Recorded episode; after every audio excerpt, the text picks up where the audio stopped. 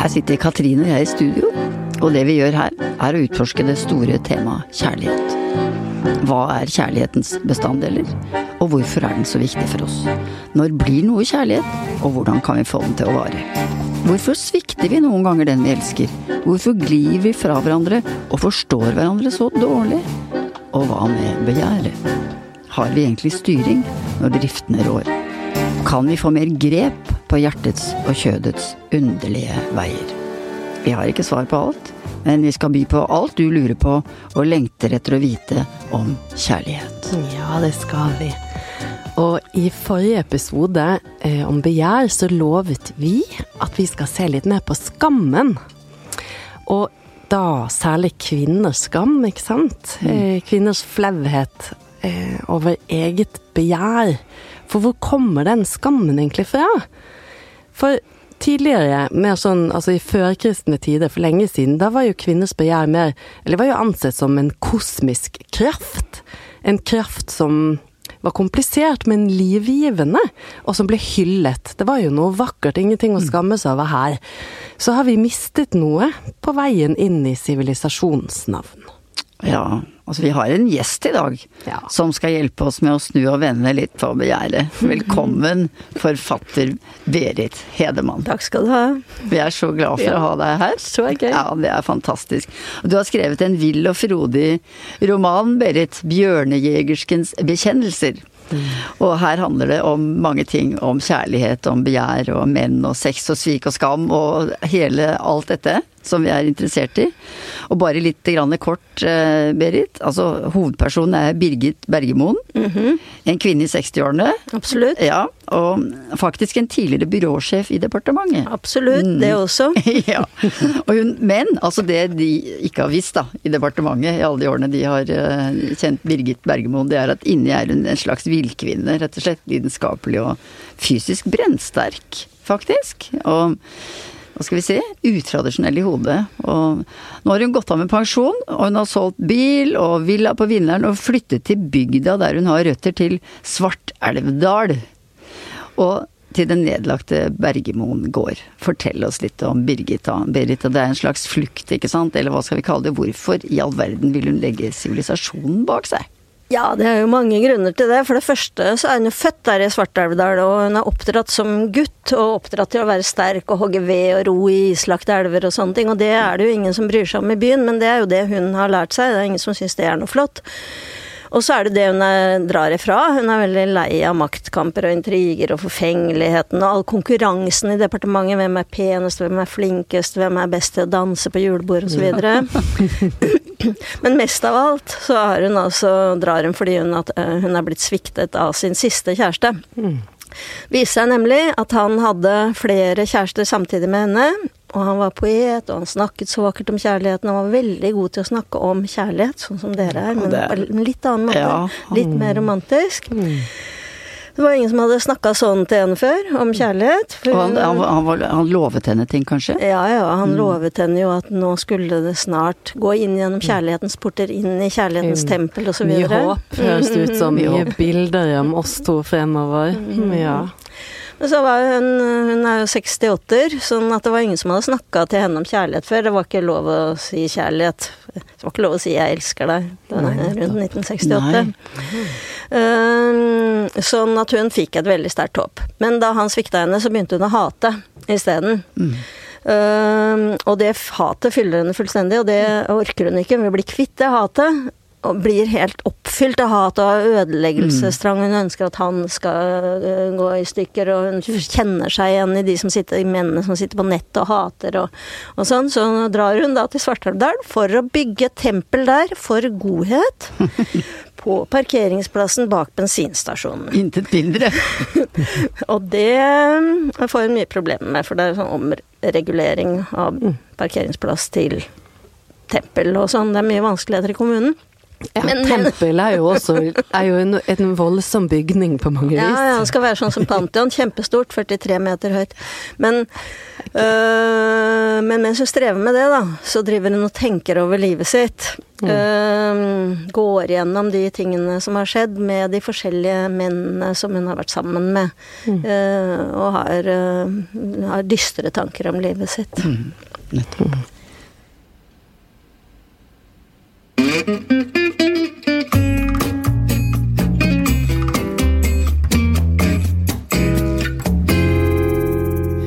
Også en del sekvenser i denne boken med ikke så dystre, men veldig saftige og erotiske scener. I hvert fall mellom Birgit og en viss Ørnen.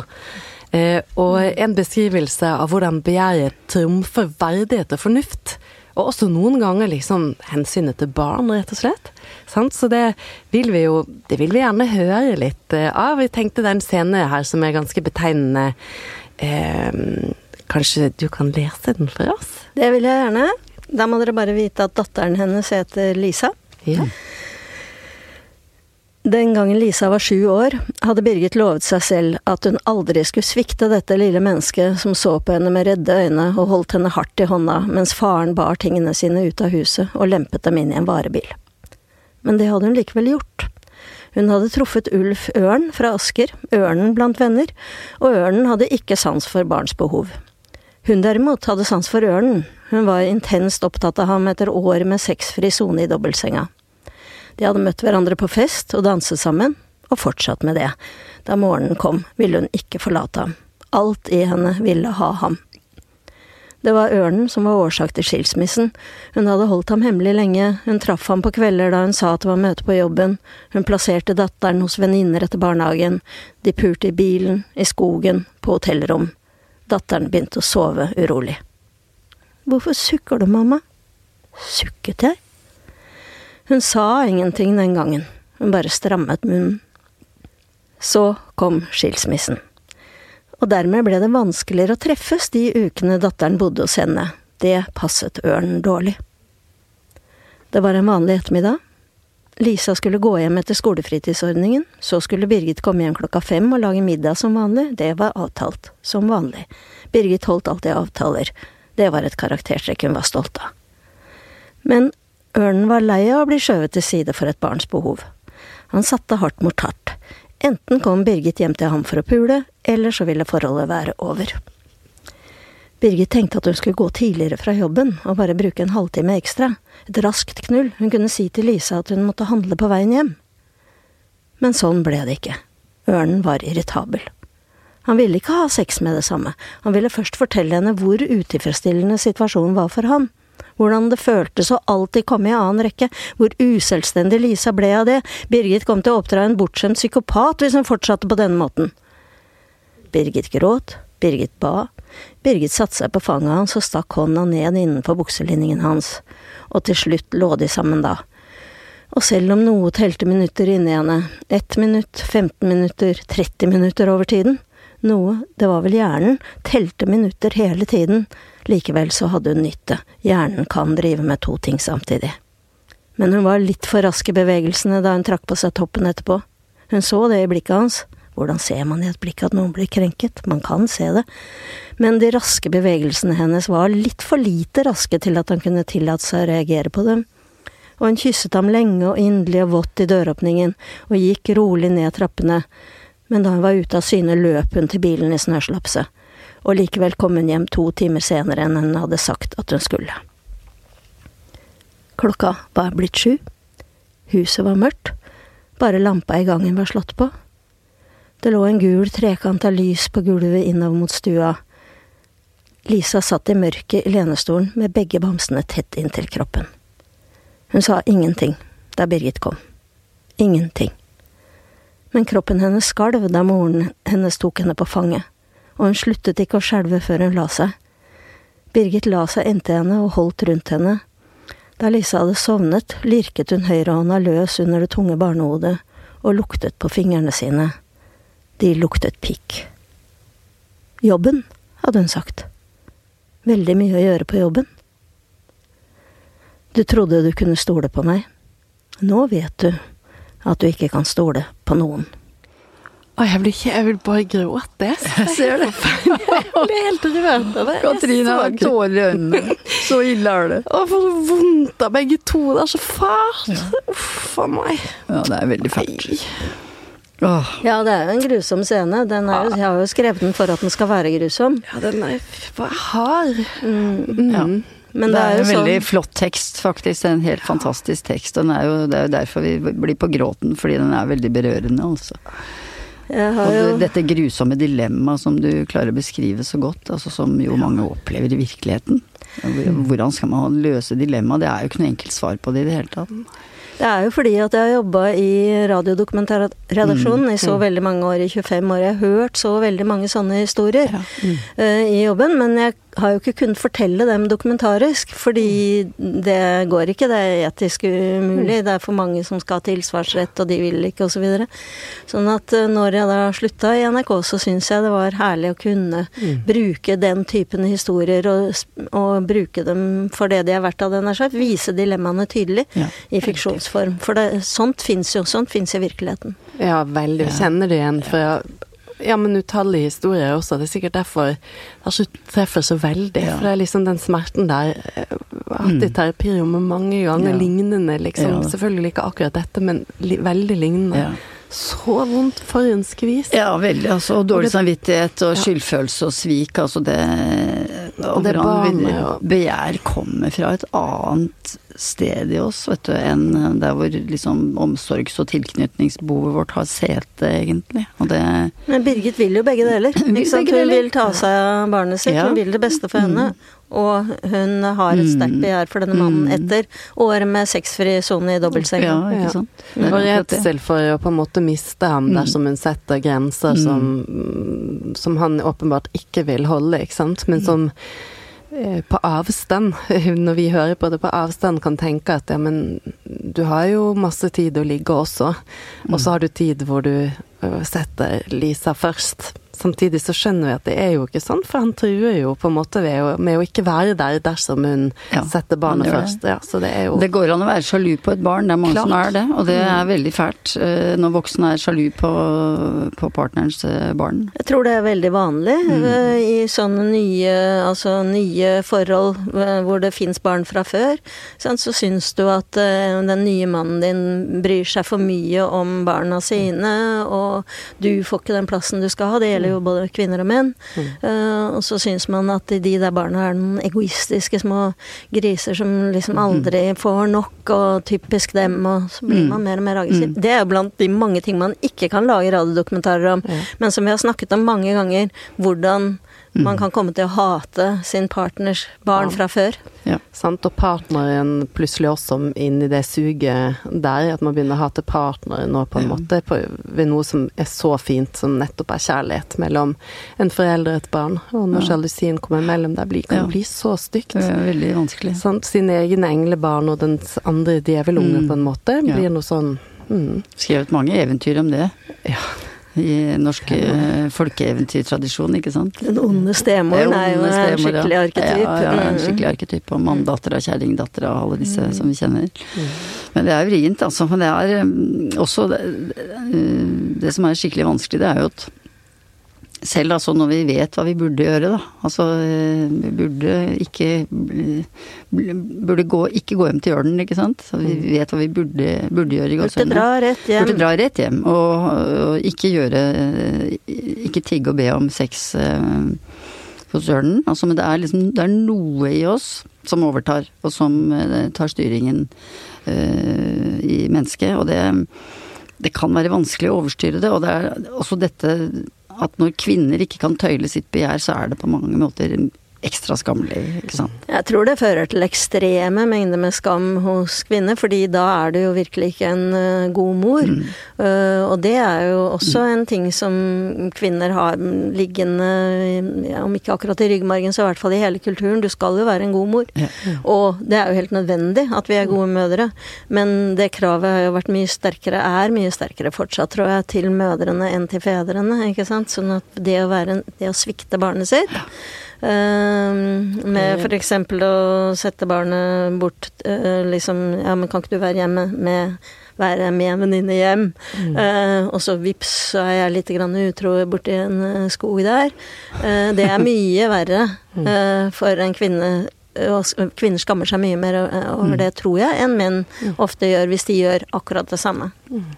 Vi skal se litt på det òg, bitte lite grann. Fordi vi som terapeuter så møter vi jo menns skam også. Mm. Ja. Mm. Men det er nok særlig, tenker jeg, i vårt litt regulerte samfunn også, hvor det å være være hva skal jeg si, rasjonell, da. Og, og autonom og være skikkelig ordentlig og sånn. Så er det jo et krav om at du skal eh, styre drifter og lyster og følelser og sånn. Og det vi, vi tror vi greier det, men eh, det er vanskelig i en sånn veldig rasjonalitetsorientert kultur å, å, tro at vi er gode på det. Vi er ikke så gode på det. Vi er, ikke, vi er jo ikke så gode på det, da, ærlig talt. Vi er ikke så gode på det. Vi er ikke så veldig mye bedre på det. Det er urfølelsene som eh, tar tak noen ganger. Altså, det er, er lite anerkjent. Litt på sjimpansenivå der. ja, litt, altså.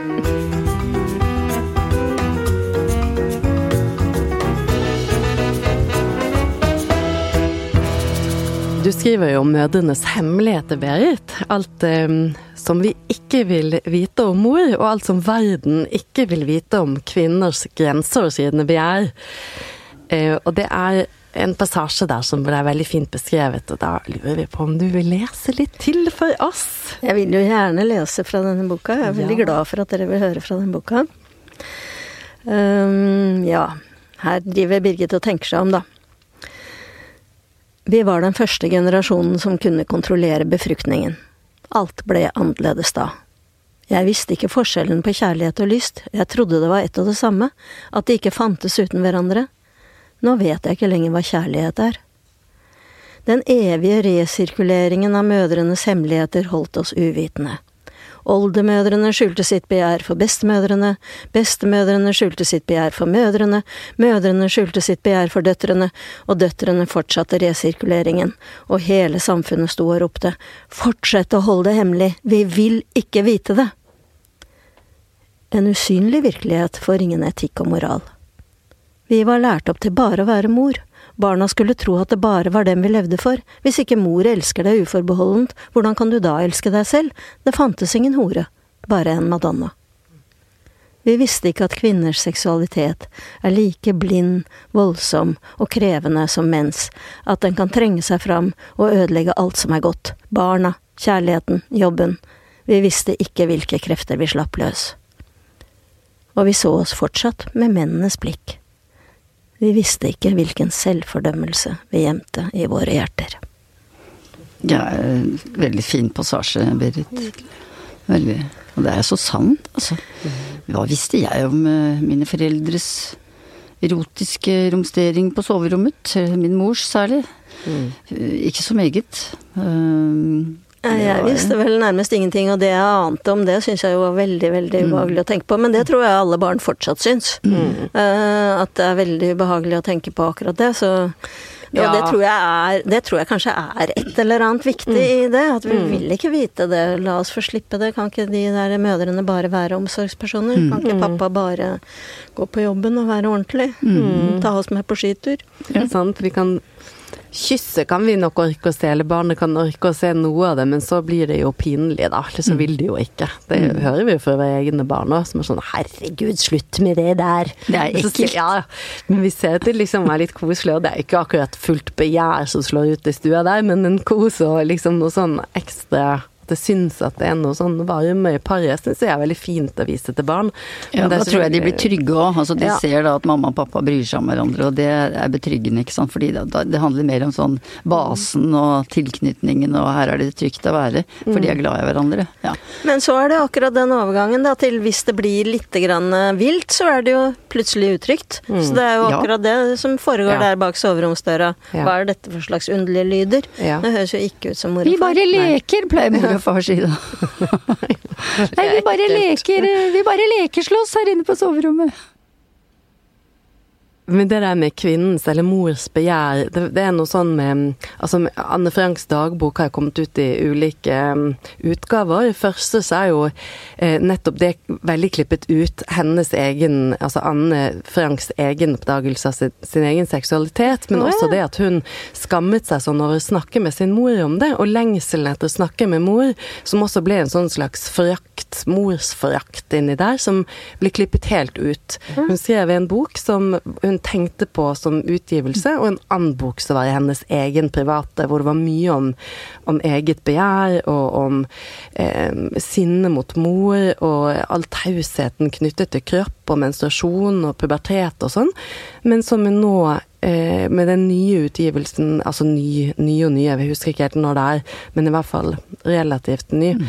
en annen utgave enn den jeg leste da jeg var ung, i hvert fall, der er det med. Der er mye av dette med. Ante jeg ikke at det fantes en sånn to versjoner. Ja, det er ganske gøy, og det er mm. interessant at det også er spesielt den delen som er tatt ut. Både sinne og skuffelse og lengsel etter mor. For på en måte det var noe sånn indirekte eh, jeg vet ikke om far kjenner noe sånn skam mot at liksom mor ikke blir opphøyet, eller at hun har gjort noe dårlig, eller jeg vet ikke. Pluss at bare hele det med kvinnen og begjære. Bare synes det var litt sånn interessant. Ja, det ble, at, det. det ble sensurert i utgangspunktet, også, mm. men så ble det altså så ble det renvasket. Mm, og der lengter hun mm. liksom mm. Noe av poenget er at hun lengter på en måte etter å snakke med mor. Jeg skulle ønske jeg kunne snakke med mor om sex, eh, om begjær, men jeg kan ikke. Men det har jo vært sensurert altså, så, i så mange tusen år uh, at kvinner har et sterkt begjær. Mm. Det er ikke en del av det bildet vi vil ha, liksom, av, mm. av en kvinne. Som jo skal, det bildet som har vært de siste 2000 åra, er jo type uh, Maria, ikke sant? Madonna, som jo ikke engang har ligget med noen for å få barn. Mm. Uh, det har vært liksom kvinneidealet, eller ja, i hvert fall i 1700 år eller noe sånt nå, da. Um, og, og det, det, at kvinner har så sterkt begjær, som vi beviselig har, mm. det har jo alle visst, men vært veldig opptatt av å holde i tømme.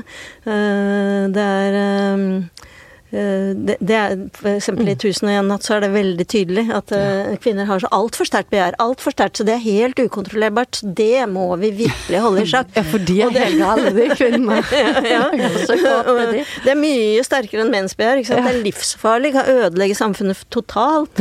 Og, og det er også altså, innenfor uh, enkelte muslimske tradisjoner nå, så sies jo dette helt eksplisitt. Kvinner må omskjæres for å holde deres ekstreme begjær i sjakk, ellers så går samfunnet i oppløsning. Mm.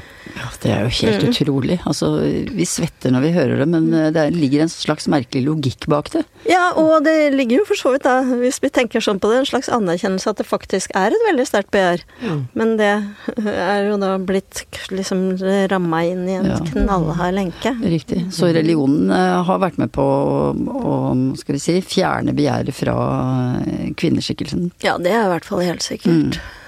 Men du, det var jo ikke alltid sånn. Og det som er fantastisk, det er at du i boken din 'Bjørne Jegerskens bekjennelser' løfter fram en for mange helt ukjent kvinne. Mm. Altså en ypperste prestinne og forfatter ved navn Enheduanna. Ja. Ikke sant? Og vi visste jo ingenting om Eneduanna før du skrev om henne. Mm. Fortell, Berit! Ja, det vil jeg, henne vil jeg veldig gjerne fortelle om. Og NB, det jeg sier nå, det er sant. Det er ikke fake news. Det er ikke fiksjon. Det er ikke funnet på. Denne damen, Enheduanna, hun har eksistert. Hun levde 2300 år før Kristus i um, Sumer. Altså der, som er uh, nedi der Irak-området, uh, hvor de nå Eh, dreper hverandre igjen. Mm. Um, og der var hun ypperste prestinne, og hun var også kongenes datter. Uh, og uh, på 60-tallet, 1960-tallet, så fant man uh, plutselig igjen Sandhaug i Irak. Så fant man 42 hele diktsykluser som hun hadde skrevet for 2000, altså 2300 år før Kristus. På, uh, på, I kileskrift på leirtavler. De holder seg skikkelig bra. De der leirtavlene blir knust, men de kan sette sammen igjen, de Fantastisk. Hun hadde skrevet uh, 42 hele diktsykluser. Um, og dette er altså 17 1500 år før Homer, som liksom er verdens første forfatter, sant? Um, og de uh, Altså 1700 år, det er mye. Det er vanskelig Ja. bare å tenke hvor mye Ja. det. Det er, det er jo dødslenge, Det liksom. er dødslenge! Rett og slett. Ja, og hun hadde veldig stor innflytelse. Altså uh, gjennom i, i type 1700 år, nesten 2000 år, uh, hadde hun veldig sterk innflytelse på diktningen i hele det området. For de var på en måte standarddiktene. Derfor ble de kopiert om igjen og om igjen, for de hadde skoler der som, hvor de øvde seg på å skrive, med å skrive, kopiere hennes dikt, sant. Eh, så, mm, eh, så for eksempel da jødene de ble frakta fra Israel til Babylon. De kom i det babylonske fangenskap, som det heter. 700 år før Kristus. Da satt de ved Babylons floder og gråt. Og der, Det var liksom kjerneområdet til Enheduanna Babylon. Uh, og da hørte de de diktene. Eh, for da var de fortsatt, altså 700 år før Kristus, var de fortsatt i, i omløpet og ble sitert hele tiden. ikke sant? Og da eh, skrev, ble de inspirert, så skrev de type Salmos høysang og sånn, som ligner ganske mye, men på de diktene som da var skrevet 1700 år før. Så det er veldig interessant. Ja. Hun der der, altså. Hun var flott dame. Du verden, altså. Men Oi. da så verden annerledes ut. Å, ja. Eh, Fordi at de diktene hennes, eh, de handler om litt av hvert. Det er den første turen ned til dødsriket og gjenoppstandelsen, som Jesus f.eks. For foretok senere. Mm. og sånne ting. Men det er også ganske mange veldig sterkt erotiske dikt, Mm. sett fra kvinners synsvinkel. Og det var jo min store oppdagelse. What? Fins de diktene her? Og er de eh, altså uh, Hvordan går det an at hun skriver på denne måten her? For jeg kunne liksom ikke se at vi nå skriver sånne dikt. Kvinner skriver ikke sånne dikt, sett fra kvinnens synsvinkel, hvor mannen er deilig. Det er lite snakk om at menn er deilige i Ja. dagens kvinnedikt. Ja, Jeg tenkte er det faktisk. Men hennes elsker, Dumosi, han er veldig deilig. Og hun tillater seg å få lov til å si det på en måte. Og, mm, og så gøy. Vi Ja, ikke, hun bare Ja, sier det. nei, hun det, sier er ikke, det er ikke noen som prøver å få lov. henne. Ja, nei. Vi må få en må smakebit her, altså. Berit, kom igjen. La oss få et heftig, saftig dikt av Ene Duanna. Ja, her kommer noen De er korte, da. Korte, ja. Hun tar sånn. Ja. Da hun lente seg mot epletreet, blottet hun sitt makeløse skjød. Den unge kvinnen i Nanna priste sitt makeløse skjød, og æret seg selv. Det gjorde hun. Det var én variant. Gjør melken din søt og tykk, min brudgom, i heteren min, jeg vil drikke din ferske melk. La geitemelken flyte i sauekveet mitt, fyll mitt hellige kar med honningost. Domosi, jeg vil drikke din ferske melk. Han formet mine lender med de myke hendene sine. Gjeteren Domosi fylte fanget mitt med fløte og melk. Han strøk meg over kjønnsåret. Han vannet mitt skjød. Han la hendene over mitt hellige skjød. Han myknet min svarte båt med fløte. Han egget min trange båt med melk. Han strøk meg kjærlig på sengen. Dette er jo helt fantastisk. Det er helt fantastisk. Man blir litt rød i kinnene her. Jeg kjenner det at Men det er veldig deilig. Vi må gå, ta litt til. Ja, gå on. Min elskede, mine øynes glede, møtte meg. Vi hadde en felles glede. Han fikk sin glede av meg. Han la meg ned på den duftende honningsengen. Min elskede som lå ved mitt hjerte, lekte med tungen. Først jeg, så han. Min vakre Domosi gjorde det 50 ganger.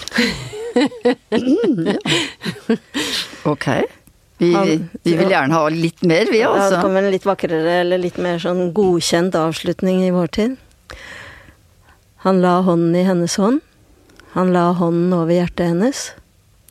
Søt er søvnen hånd i hånd.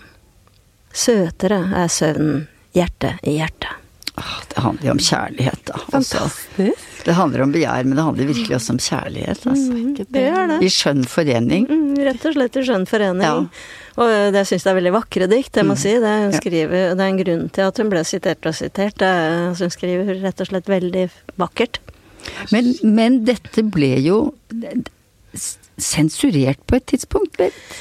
Hva Ja. skjedde egentlig, og hvorfor, har vi, hvorfor er det så få som har visst om det, bortsett fra altså de, helt, altså de med veldig inngående kunnskap da, til, til Mesopotamia og elvekulturen, og, som vi vanlig dødelige ikke har noe særlig greie på i det hele tatt. Hva skjedde underveis? Ja, ingen visste om det mellom type år 0 og 1960. Så det er først etter 1960 at vi igjen, har gjenoppdaget den Edwana. Men det som skjedde før år null, det var altså Hun her levde i et samfunn hvor, som med helt andre uh, forestillinger om seksualliv og kjønn. Det er helt åpenbart gjennom diktene hennes. Og det er også med hvem som er hvilket kjønn, for å si det sånn. For hun har f.eks. noen flotte beskrivelser av sånne tempelprosesjoner. Så sier hun at mennene går med kvinneklær på sin ene side, og kvinnene går med mannsklær på sin andre side. Så de går liksom kledd i begge deler.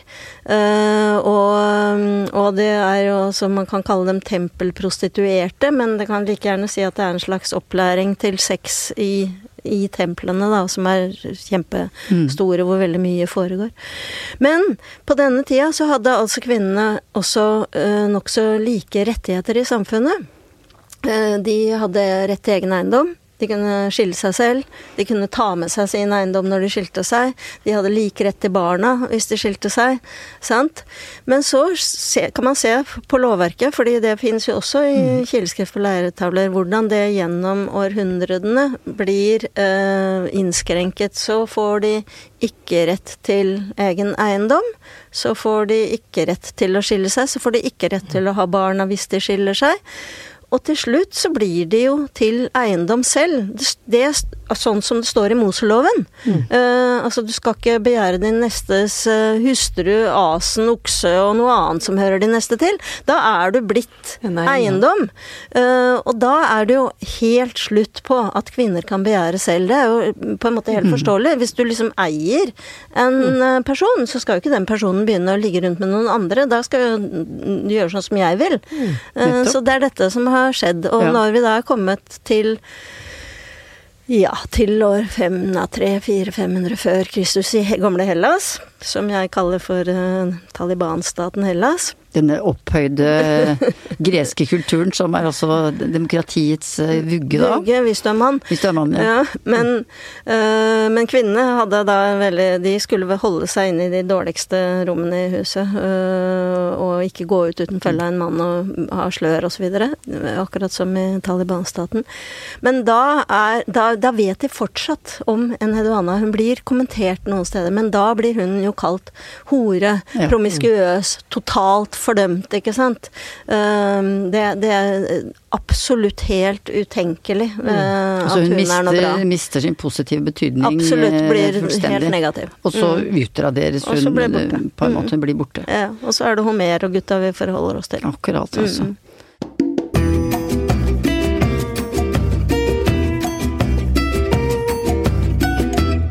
Ok, så da um, la oss gå litt mer opp mot i dag, og opp til å snakke litt mer om Birgit sitt forhold til begjær, og som kvinners forhold til begjær sånn generelt i vår tid. For man, det er jo på en måte et slags paradoks vi lever i, dette med at vi omgir oss så mye med med nakenhet og sex, og unge En del unge er veldig opptatt av porno, og det liksom har fått en stor plass, og nakenhet overalt, og man kan jo lure litt på om det er om det er sunn erotikk, eller om det er erotikk i det hele tatt. Er det glede, er det frigjøring, eller hva er det egentlig? Også når, når vi ser at for det første så snakker jo paret veldig, veldig dårlig om sex mm. i parterapi. Det er et tema vi nesten ikke kommer inn på. Det blir rødme som en annen Tomat? Ja, mm, som en annen voksen fra 50-tallet, liksom. Ja, nesten ikke an å snakke om det. Uh, og at det er mer sånn uh, ja, men nå har det også blitt sånn, ser på, på, på mine barn, også jeg har ungdomsbarn og litt yngre barn, og de, de, de dusjer ikke på skolen, og nakenhet er flaut, og mm. Det er jo veldig rart at det på en måte er så stor eksponering, men samtidig så utrolig skambelagt eller ikke tema. Eller jeg skjønner, hva, hva mener vi om dette? Og sex skal foregå i fylla blant unge, vet du. Ja, nettopp.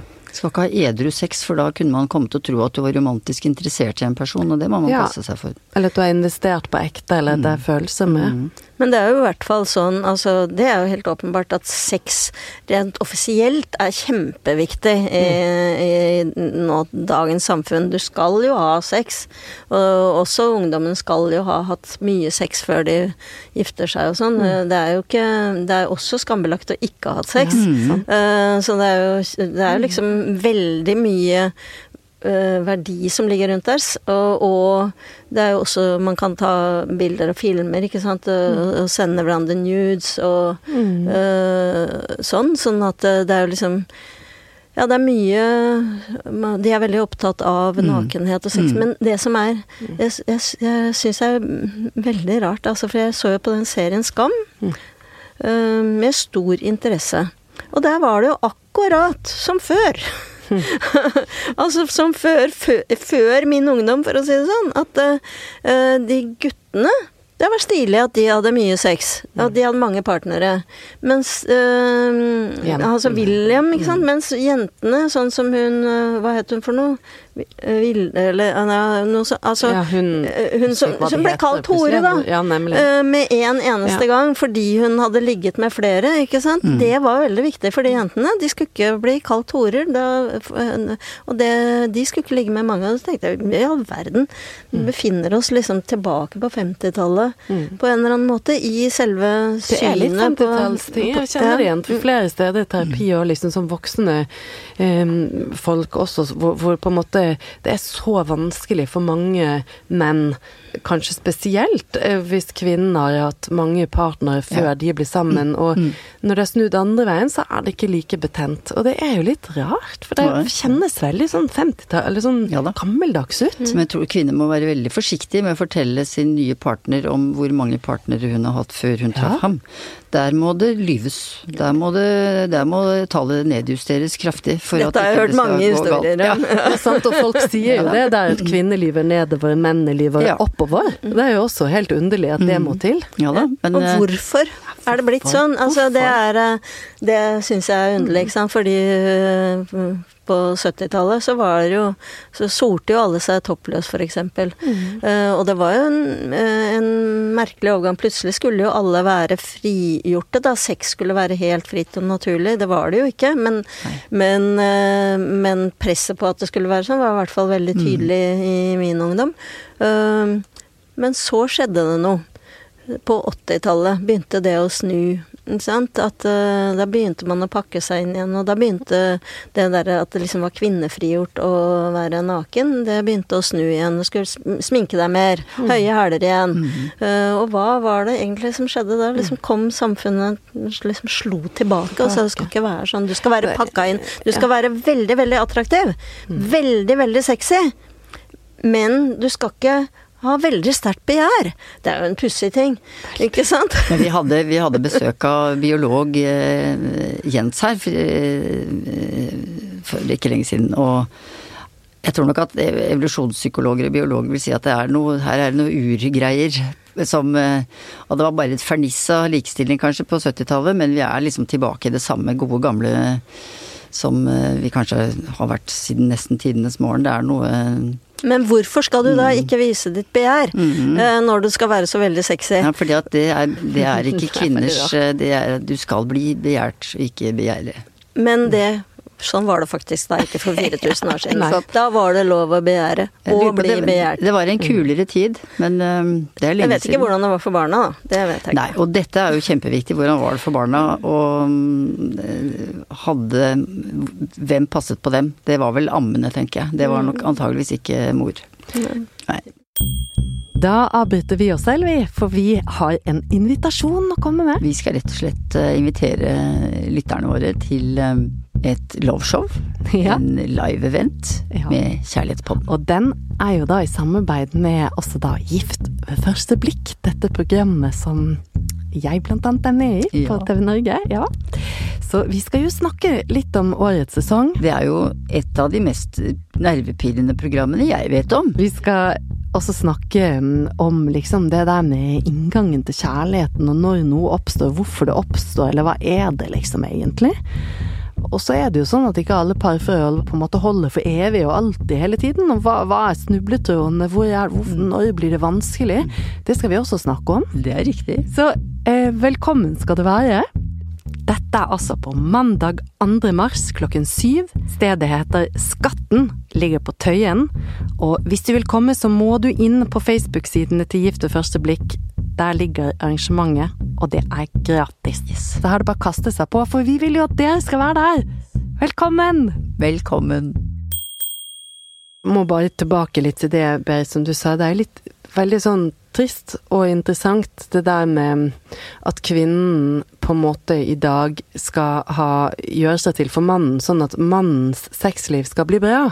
At liksom sitt eget begjær er det, Man har ikke lov til å snakke ut fra sitt eget begjær. Jeg ser også det når jeg jobber med, jobber med sex med par, så er liksom fokuset veldig der. Jeg føler at det er så mange som Det så, blir så mye skam på egen kropp og ikke få til at ikke mannen har det bra, men ikke noe sånn men hva trenger jeg, eller når, hva, hvordan begjærer jeg, eller hva liker jeg, på en måte.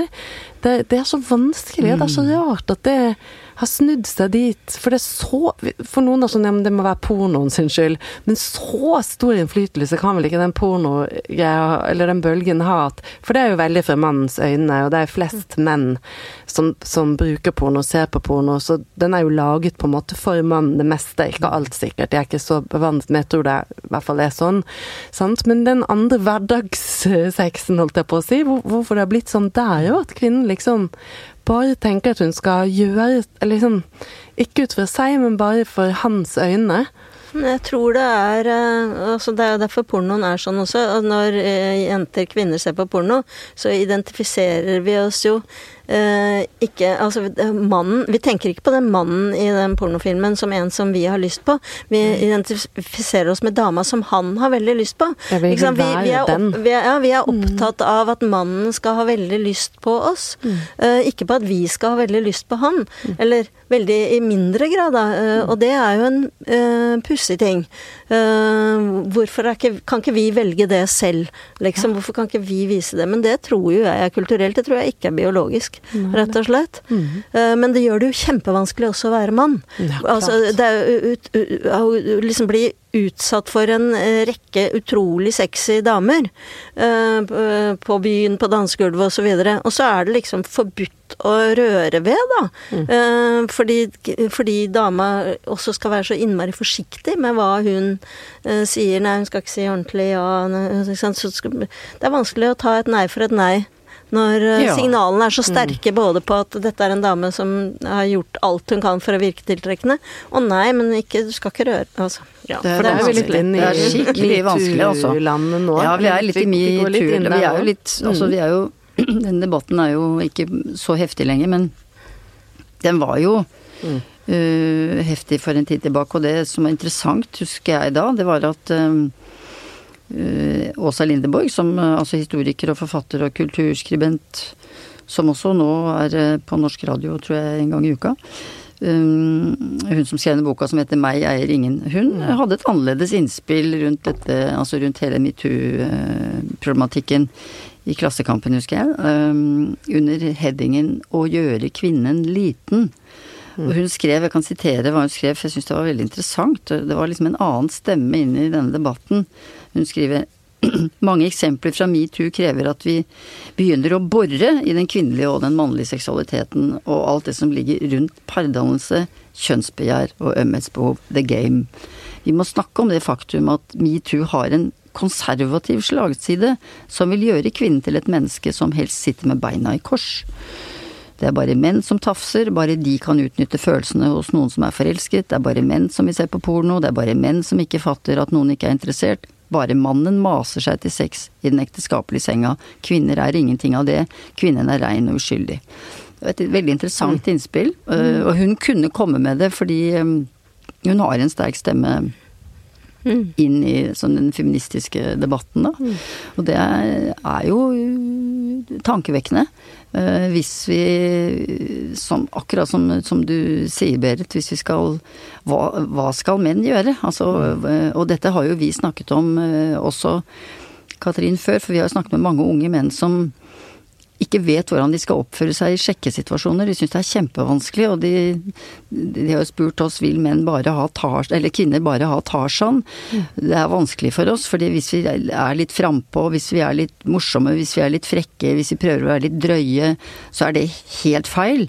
Og hvis vi er for tilbakeholdne, hvis vi er for greie gutter, hvis vi er liksom for snille og liksom sånn eh, godt oppdratte, så, vi, så er vi veike og uinteressante, så vi får ikke noen kjæreste, sier de. Og det vi jo vet, altså, som Jens fortalte oss, biologen, det er at det er 5% av mennene på Tinder alfahannene som får all responsen. Og det er jo ganske forferdelig, rett og slett. Jeg Så tenk- hva har skjedd? Det vet jeg ikke, men jeg tenker jo at ting hadde vært litt grann enklere hvis jentene fikk lov til, ga seg selv lov til, å være litt tydeligere på at de faktisk vil ha noen, har lyst på noen.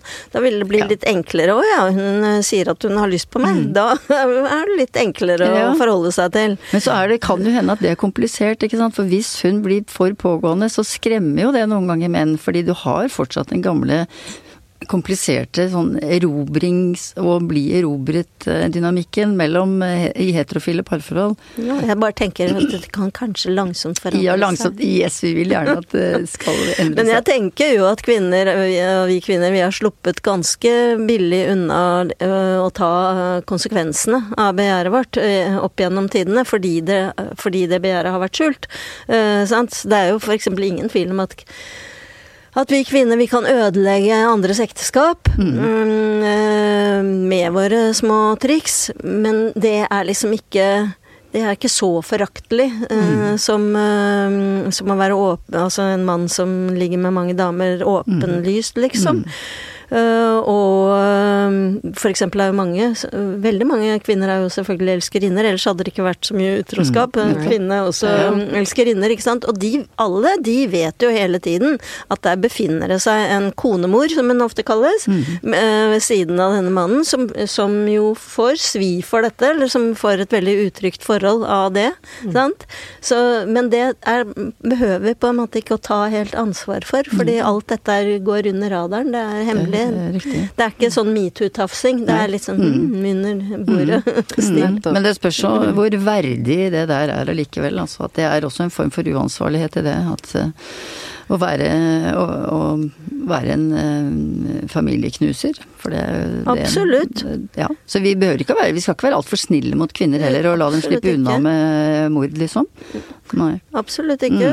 Og, og dette mener Birgit Bergmoen mye om. Hun eh, Nettopp.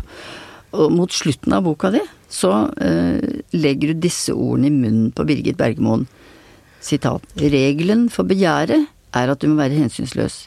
Regelen for resten av livet, altså, er at du skal være hensynsfull. Og det er et livsdilemma du beskriver her, altså. Fint. Kanskje du rett og slett kan lese den, eh, det tekstutdraget, for det er veldig fint.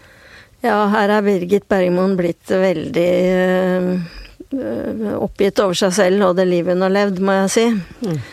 Uh, syns at øh, hun ikke har fått det til. Ikke fått til å stille opp for dattera si, ikke fått til noe lykkelig forhold heller. Så, tenker hun Jeg har levd som om følelsene var min gud. Som om de var en etisk rettesnor. Jeg følte det sånn, og derfor gjorde jeg det. Det er farlig å fornekte følelsene. Det har vært min tids moral. All kultur har gått ut på å kontrollere uttrykk for følelsene. Ikke slå, ikke knull feil mann, ikke la deg knuse av nederlag, ikke la deg lamme av sorg, hold opp med den sutringen, finn en løsning i stedet, innse at lua klør og at du må tåle det, undertrykk lyster, egoisme og selvhevdelse, for å kunne leve godt sammen med andre, og gjør din plikt, det var den gamle moralen. Men følelser er hellige i den tiden jeg har levd. Kjærlighet og sex er de viktigste verdiene.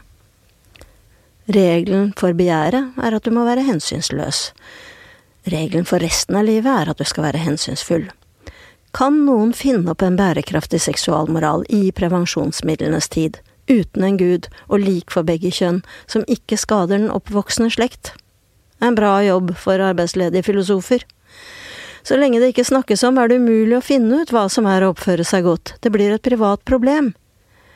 Når du ikke begjærer ham lenger, han som knytter seg til deg og stoler på deg og begjærer deg, hva skal du gjøre da?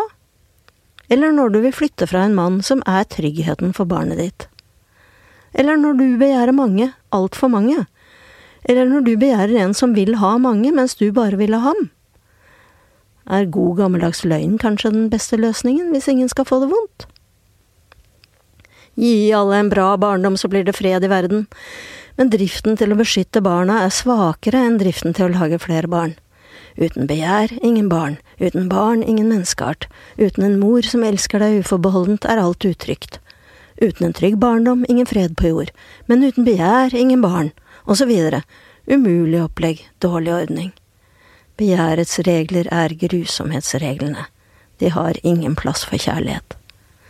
Hvordan få til begge deler? Alle kvinner sier alltid at barna er det viktigste i livet, men i praksis prioriterer vi jobb og kjærester framfor barna hver en dag. Ville arten gå til helvete hvis menn og kvinner hadde barnas beste som et absolutt imperativ, større enn kjærlighet og sex? Er det østrogenmangelen som gjør at jeg tenker sånne tanker? Jeg vet ikke. Jeg har ingen konklusjon. Jeg har levd lenge, og har ingen konklusjon. Åh. Ja, Så fint! det er utrolig Jeg vil bare at du skal lese hele boken. Ja, det er så, dette er virkelig bekjennelser, altså. Det er bjørnejegerskens bekjennelser. Virkelig, altså. Hun er kommet dit hen at hun Ja. føler behov for det, Ja. og hun tilgir ikke seg selv. Mm. Nei, det er det, altså. Men Berit, du er skjønnlitterær forfatter. Heldig, du. Fordi du kan hylle begjæret. Og være så ukorrekt du vil og skrive nesten hva du vil, ikke sant. Du kan rett og slett ja, du kan rett og slett tillate deg å være hensynsløs, altså i, i dine beskrivelser av alt det merkverdige som foregår uh, i og mellom uh, mennesker. Det er så fint, Ja. og, veldig deilig overgang fra å være dokumentarist. Ja. Mm. Men skal jeg si det, det er verre for oss stakkars terapeutene, da, som uh, forsøker vilt å finne en vei i galskapen når vi sitter der med par og, og familier, da. Og, mm, med mennesker som strever veldig, altså. Noen ganger så vet vi jo, og det er jo det Birgit Bergemoen også sier, at noen ganger så, så vet vi jo at det eneste som holder er å binde seg til masta. Altså bite tennene sammen og bli på sin post og overstyre sitt begjær. Det går jo an å gjøre ting som man ikke har lyst til. Det Mm. Ja. går an å la være å gjøre det man har lyst til. Mm. Eh, Ja. Rett og slett. Og alle Mm. samfunn har jo drevet på med det å prøve å, prøve å finne ut hvordan skal vi regulere det når to uh, forskjellige behov kommer i konflikt. Ja. Mm. Ansvar for barna eller seksuelt begjær. begjær. Alle har prøvd på det og funnet ymse forskjellige måter å gjøre det på, men det er nesten ikke forenlig. Det er vanskelig, men uh, vi må ikke gi opp, rett og slett. Og mange gjør jo det, overstyrer begjæret sitt. Altså, de, de, de snur i døra når de ser han som eh, virkelig kjenner, kjenner at det er flamme begjæret opp, og det snur i døra, kaster kaldt vann i ansiktet og går hjem igjen, ikke sant. Det, I kjærlighetens navn, rett og slett. Og menn Mhm. gjør det. Og Ja, menn menn gjør det også, menn gjør det også. snur seg og- Menn tøyler seg eh, også. Går ikke på den reunionen, for de vet at der sitter det en som jeg kan bli svak for hvis Ja. jeg drikker en øl for mye. Ja. Så da går jeg ikke dit. Det er akkurat mm. det. Men det er noe sånn, tenker vi det, at hvis ikke vi kjenner våre tilbøyeligheter, altså hvis ikke vi kjenner vårt indre mørke, da, for å si det sånn, så så kan vi ikke tøyle det heller. Altså hvis ikke vi eh, har, har på en måte en peilepinn innover i, i begjæret vårt, da. For da bare bryter det bare fram, tenker du? bryter det frem, ikke sant. Og bare, da kommer det og tar oss bakfra, rett og slett. Altså. Så det Dette er mm, Ja, det Vi er ikke er jo- ferdig med dette temaet. Vi er ikke temaet. ferdig med det. Og det er jo også det vi skal snakke mer om neste gang. Om dette, om når begjæret er på ville veier. Når det overrumpler oss. Blant annet da fordi vi ikke er fortrolige med vårt eget begjær. Fordi det lever sitt eget liv i skyggene og er skjult for oss og kan Mm. overrumple oss. Ja. Det er Riktig. Altså, Berit, tusen takk Ja. for et helt strålende besøk. Det- Veldig hyggelig å være her. Ja, det var kjempespennende og veldig ny, altså rett og slett nye oppdagelser for mange, det du Mm. har snakket med oss om i dag. Altså. Nå gleder vi oss veldig til at det skal bli en dramaversjon av Bjørnejegerskens bekjennelse, for det skal bli teater. Ja, det er jeg jo veldig stolt over og spent på. Det skal mm, bli en teaterforestilling i samarbeid mellom Nasjonale Scene i Bergen og Teater Innlandet på Hamar. eh, Med Kjersti Elvik i hovedrollen. da får vi se hvordan det går. Det gleder vi oss skikkelig til. Det blir neste høst. Ja, veldig flott, altså. Tusen, tusen takk for, eh, for at du kom. Ja, takk. Så med det så skal vi runde av i dag.